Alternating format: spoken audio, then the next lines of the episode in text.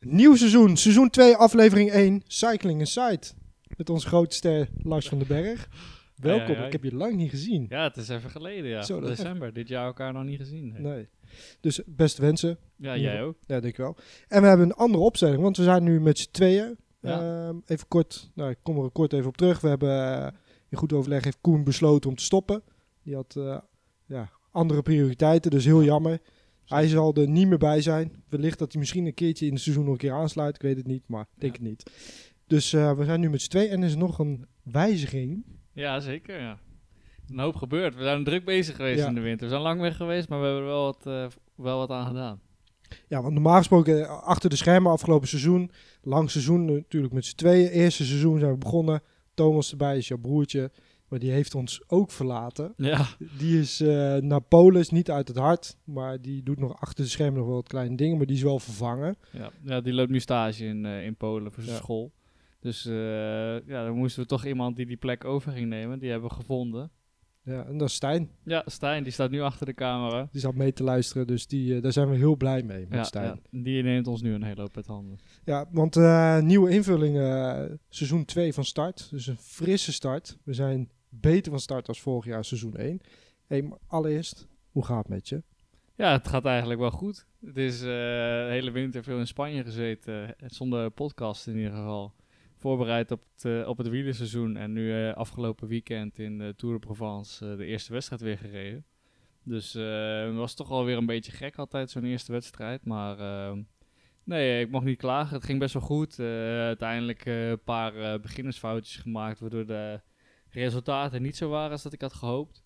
Maar in ieder geval, de benen waren zo slecht nog niet. Dus ik ga in ieder geval met een goed gevoel op naar de, naar de komende koersen. En dan vertrek je naar Spanje om te trainen in het mooie weer. Ja, En dan verlaat je Nederland vanwege het slechte weer. En dan heb je allereerste wedstrijd.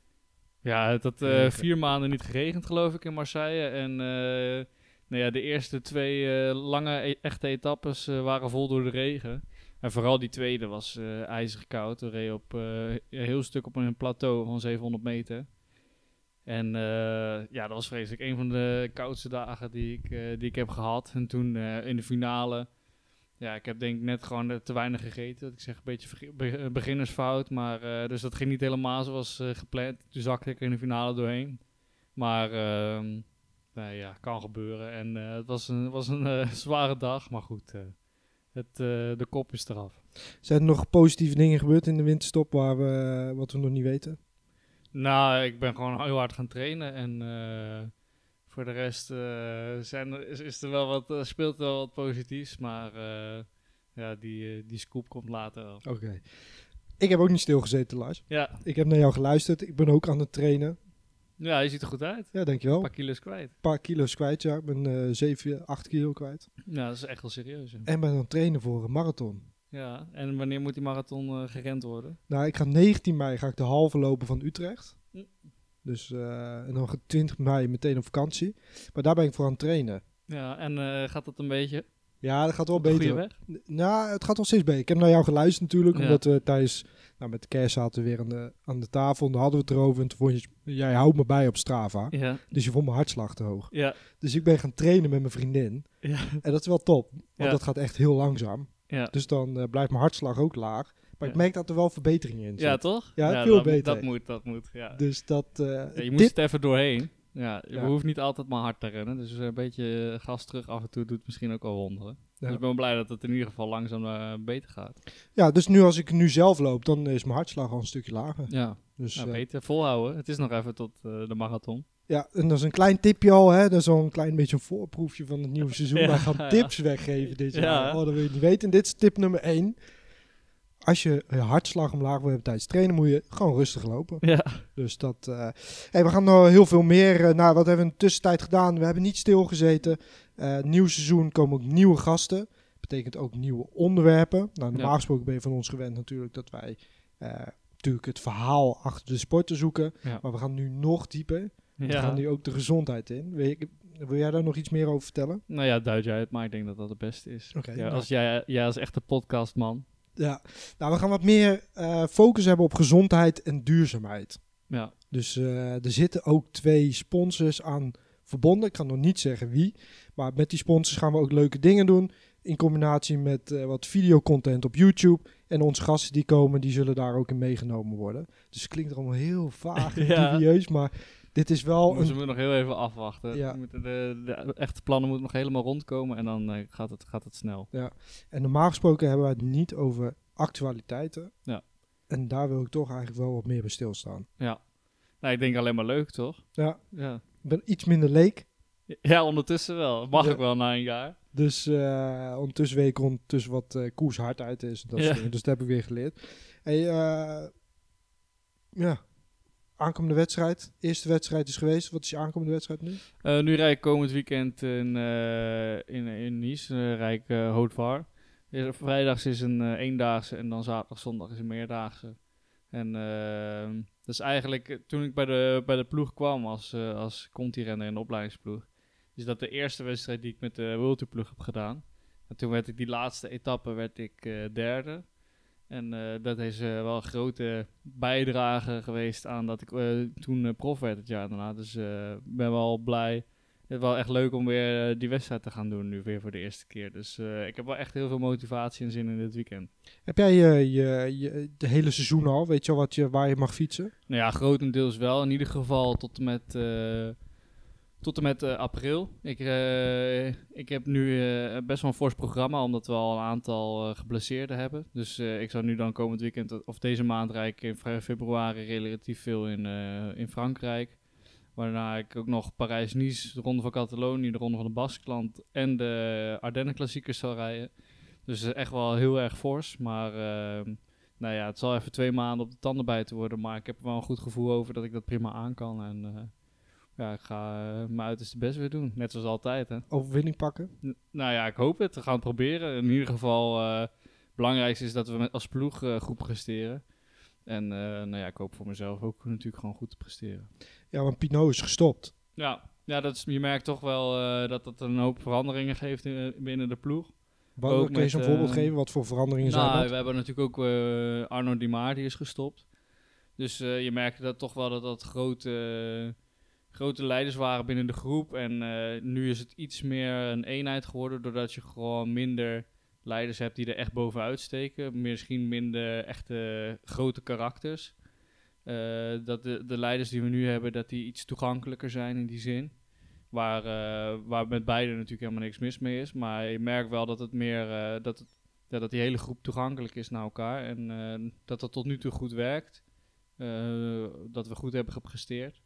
Dus nou ja, eh, ik denk dat dat ook mogelijk is om dat het hele voorjaar door te trekken. Want hoeveel seizoen is dit nu voor jou? Gaat dit worden? Nou, mijn vijfde jaar alweer in eh, Franse dienst en dan vierde jaar dus in, eh, in de World Tour ploeg. Dus het gaat ondertussen ook al wel weer... Dus je bent bijna, je bent nu, je bent nu heel oud, je bent, ja, Ja. bent, dit is, het, dit is het eerste jaar. Je hebt dan zeg maar, toen, toen ik prof werd, dan deed ik nog mee voor de jongere klassementen, dus voor de witte trui. En dit is het eerste jaar dat ik daar nu buiten val, dus dat doet wel een beetje pijn. Dan merk je toch wel dat je, dat je niet zo jong meer bent. En eh, dan, eh, ja, dan begin je toch wel weer wat ouder te worden. Is zo'n, is, heb jij een leidersrol nu dan in zo'n, in zo'n ploeg? Of, of is dat dan... Ja, leidersrol is misschien weer wat te groot. Het, vo- het voordeel, eh, of zoals afgelopen weekend, was ik dan wel de wegkapitein inderdaad. Maar dat was, had ook, heeft dan ook te maken met dat we best wel weer veel nieuwe renners hebben die nog niet echt Frans spreken. Waar de ploegleiders dan wel weer natuurlijk gewoon in het Frans praten. En eh, ik een van de renners ben die al ondertussen al de meeste jaren bij de ploeg is. Dus ja, dan kan ik voor de renners die nog niet echt het Frans beheersen, kan ik de vertaling maken. En, is eh, tijdens de wedstrijd zo? ja, tijdens de wedstrijd. Van eh, oké, er komt nu smalle wegen.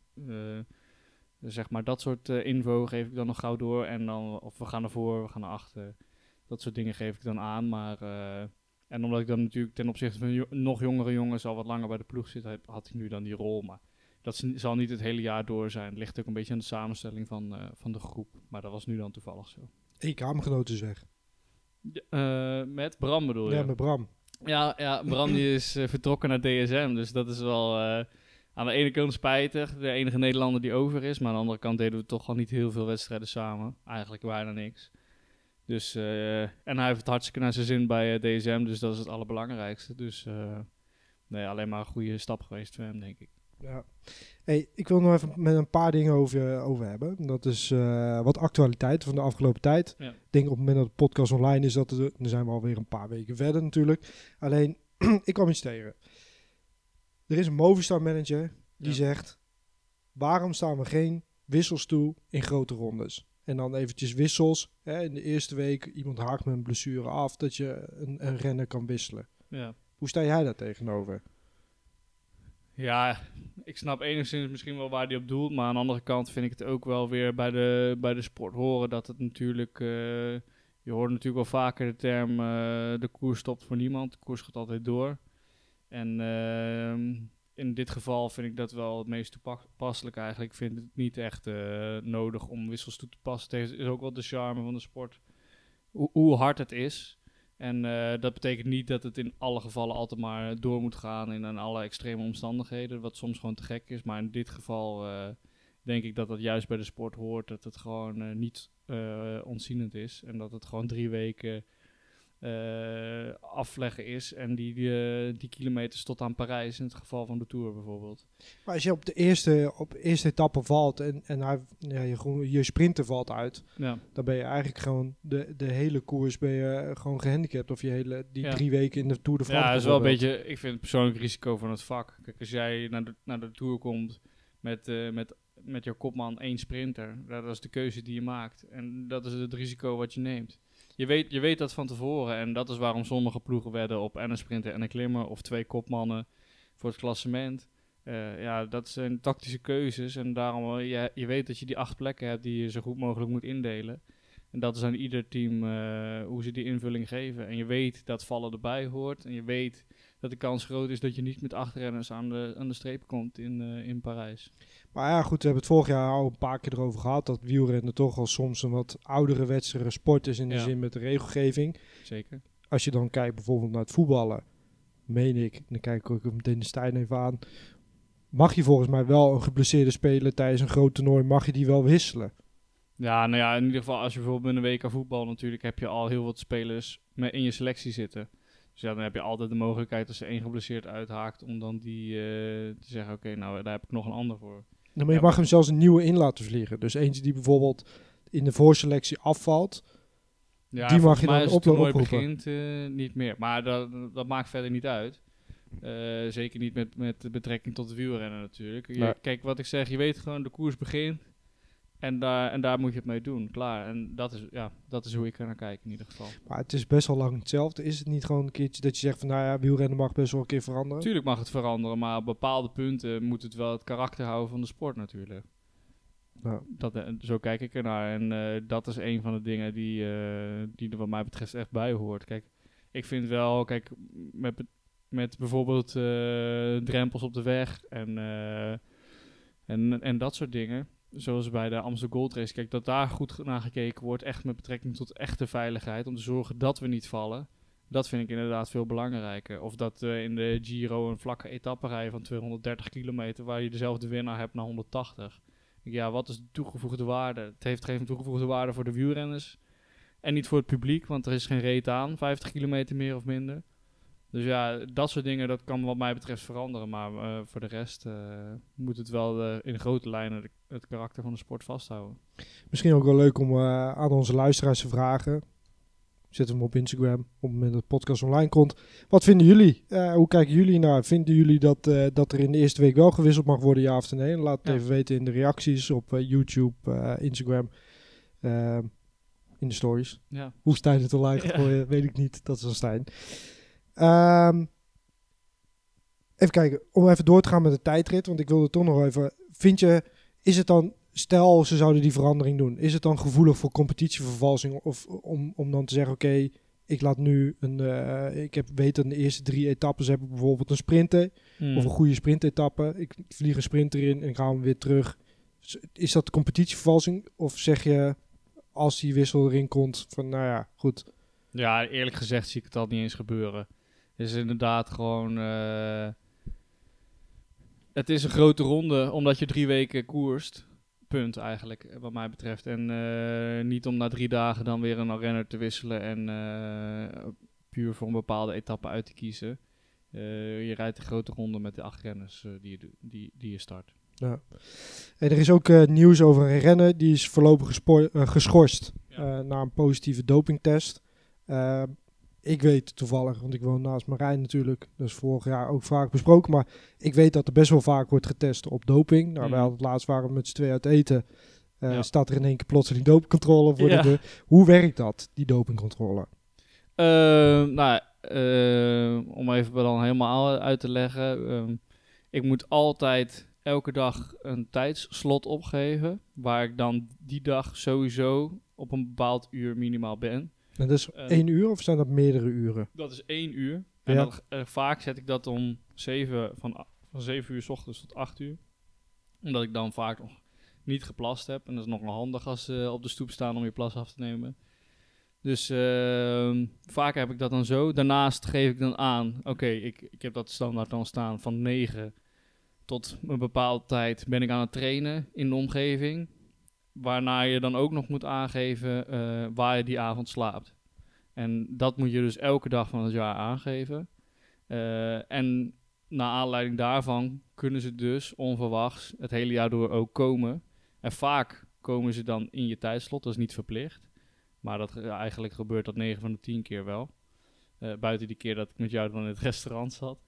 Maar ehm, voor de rest staan ze dan 's ochtends vroeg dus vaak op de stoep. En dat is voor wat mij betreft, eh, tot nu toe is dat ongeveer 4, 5 keer per jaar dat dat voorkomt. En eh, ja, zo werkt het dus een beetje. Dan komen ze vaak met z'n tweeën.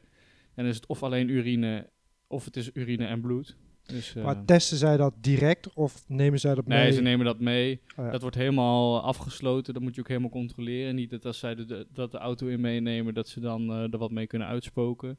Dat is echt eh, helemaal afgesloten. Daar kunnen ze niks mee. Oh, en anders zien ze het gelijk als dat in het la- laboratorium aankomt. En ehm, ja, dan eh, daarna wacht je af. En je hoort eigenlijk niks. Tot, tenzij je dus een eh, positieve test hebt. En jij weet ook wat je niet mag, wel en niet mag gebruiken, toch? Ja, je hebt de dopingwaaier en daar staat alles op. Ja, want hij is dan gepakt op Ja, sporen. misschien op sp- even hij noemen. Antoine Tolhoek Ja. Is gepakt eh, bij een controle en er zijn sporen van anabole androgene steroïden aangetroffen. Ja. Heb jij dan enig idee wat het is? Nou, dat is gewoon testosteron. Maar, dat, maar vind je het dan niet bijzonder dat hij, hij moet dat hebben geweten dan? Ja, ik vind het, eh, het is vrij vaag, want ehm, ja, als je dat neemt, weet je gewoon dat je gepakt wordt als je gecontroleerd wordt. Het is niet een middel dat je, dat je nog enigszins kunt verbergen. Of zeg maar, eh, vaak, dit hoor je eigenlijk nooit, zeg maar. Als iemand wordt gepakt, dan eh, zijn dit is zo'n mak- relatief te makkelijk, makkelijk te vinden middel. Zover ik weet in ieder geval. Dat ik denk van ja, ik, waar- ik, kan me, ik kan me niet voorstellen hoe dit is gebeurd. Ik kan me bijna niet voorstellen dat hij dit zelf heeft ge- gepakt. Eh, maar waar zit het in, weet je dat? Ja, ja, ja, je kan het natuurlijk gewoon met een spuit in je bil zetten. Maar ja, het zit bijvoorbeeld ook in... eh, ja, volgens mij is het eh, bepaalde stukken vlees of zo. Maar ik ga me niet heel ver op eh, Nee. in de details, want anders loop ik misschien onzin uit te kramen. Maar ja, het kan ook, ik, ik hoop voor hem dat het met ja, foute supplementen of fout eten of weet ik het hoe het fout is gegaan, is gebeurd. Maar ja, dat zal het onderzoek vanaf nu moeten gaan uitwijzen. En ja, dat, dat hoop ik voor hem. Maar Ja. het is in ieder geval heel spijtig weer voor de sport. En, eh, en vooral spijtig ja, voor, voor hemzelf, als het onterecht is tenminste natuurlijk. Dat is nu afwachten. En eh, ja, eh, Het gebeurt in elke sport, hè? het gebeurt in elke sport. Maar ja, wielrennen heeft natuurlijk altijd wel een beetje de naam Ja. gehad. En nog steeds wel. Ja. Dus nou ja, ik wacht het onderzoek in spanning af. En ik ben heel benieuwd hoe dit gaat aflopen. Nou, om heel even... hij mag een contra-expertise aanvragen. Ja. Dus Ja, je, je, wat, je, als je dus die eh, urine afgeeft, dan geef je een A-flesje af en een B-flesje af. Ja. En ze- controleren als eerste natuurlijk dat A-flesje en die B-staal houden ze als reserve. Mocht je dus positief testen, Dan kun je toch zeggen, oké, ik wil dat die andere getest wordt. En mo- mocht het daar dus uit blijken dat het daar dus ook in zit, in die tweede, wat gewoon wel vanuit hetzelfde, hetzelfde moment plassen komt, dan eh, heb je eigenlijk bijna geen poot meer om op te staan. Tenzij je echt kan bewijzen, oké, het komt hier uit.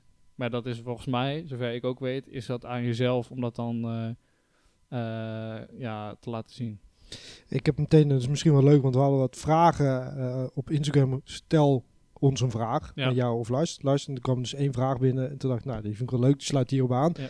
Lars, eh, zou de sport, even kijken, zou de sport gewoon, eh, zou je, eh, sorry, zou je de steroïdes, dus de doping, niet gewoon legaal moeten maken, zodat het, ja, het verbetert je prestaties en gewoon de sport gewoon inclusief doping moeten hebben?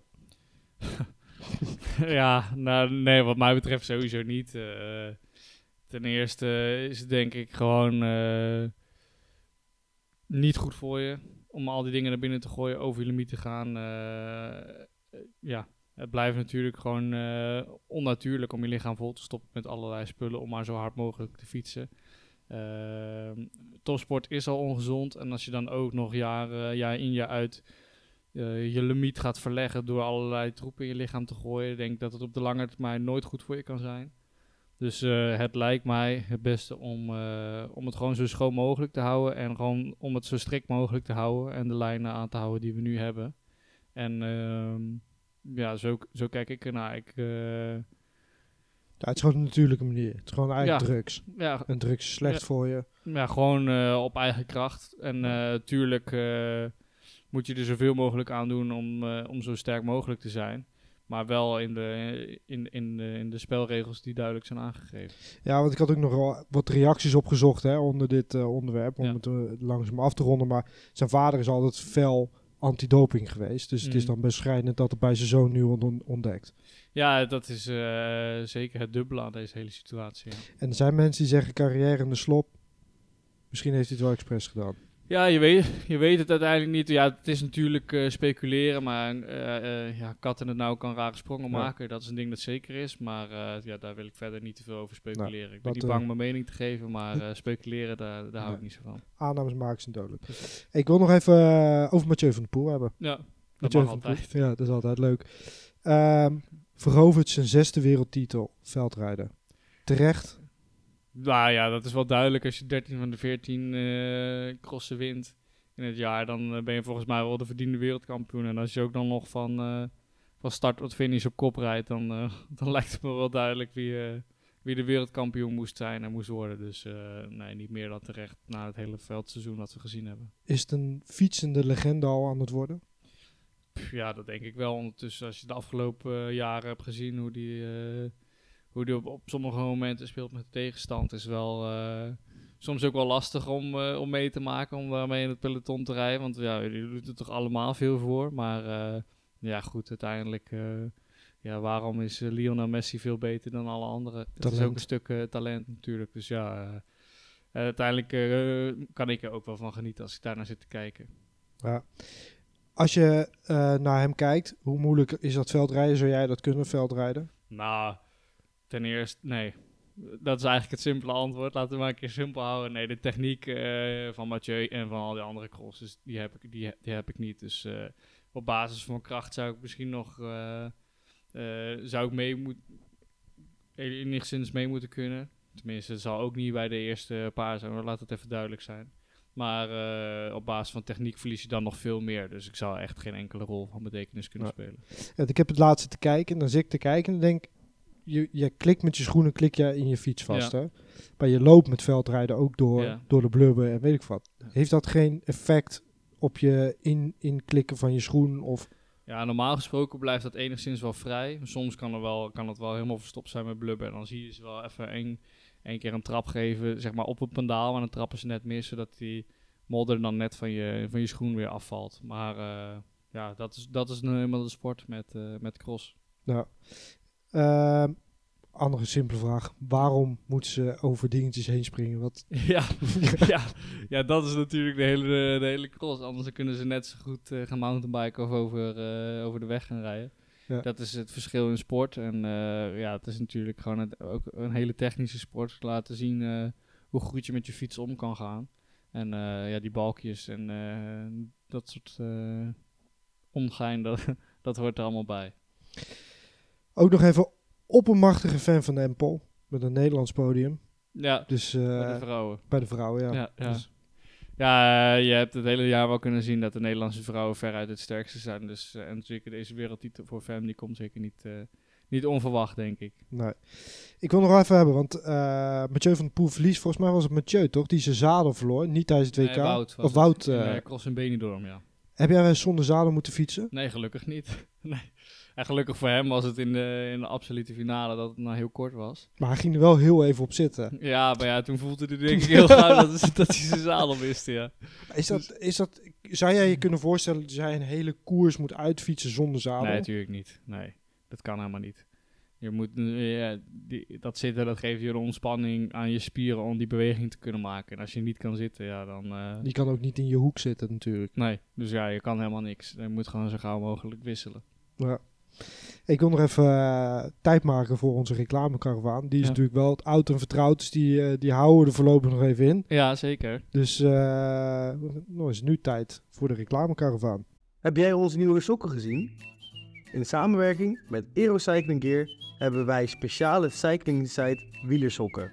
Van sokken tot aerodynamische schoenkoffers, Aerocycling Gear is dé pionier in aerodynamische fietskleding. Dus fietskleding nodig? Fiets snel naar hun website www.aerocyclinggear.nl of vind de link in onze beschrijving. Dit was de reclamekaravaan. Luis. Ja, Dus ehm, ja, ik heb eigenlijk niet, eh, nu niet zo voor deze aflevering. Ik vind het leuk om het seizoen te starten. ja was leuk weer even te zien. Ja. En zo te spreken, na zo'n lange tijd. Dus eh, nou ja, ik ben heel benieuwd straks naar de toekomst straks met, eh, met de nieuwe sponsoren en eh, nieuwe gasten en nieuw format.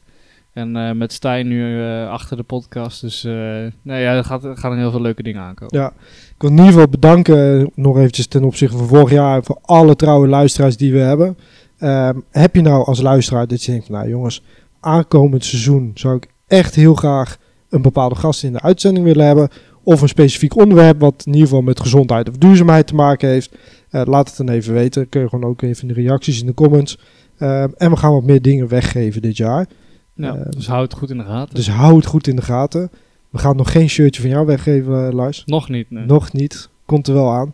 Dus eh, de eerste shirt die jij eh, je overwinning meehaalt, Ja. die gaan we weggeven. Ja. Nou ja, ik hoop dat het te veel zijn. Ik hoop dat... hoeveel dit jaar? Laten we een kleine voorspelling doen. Nou, ik zou met één al wel blij zijn. Ik ben nu drie jaar prof, ik heb er nog geen één. Dus laten we maar met één beginnen. En hoeveel gaat Marijn er pakken?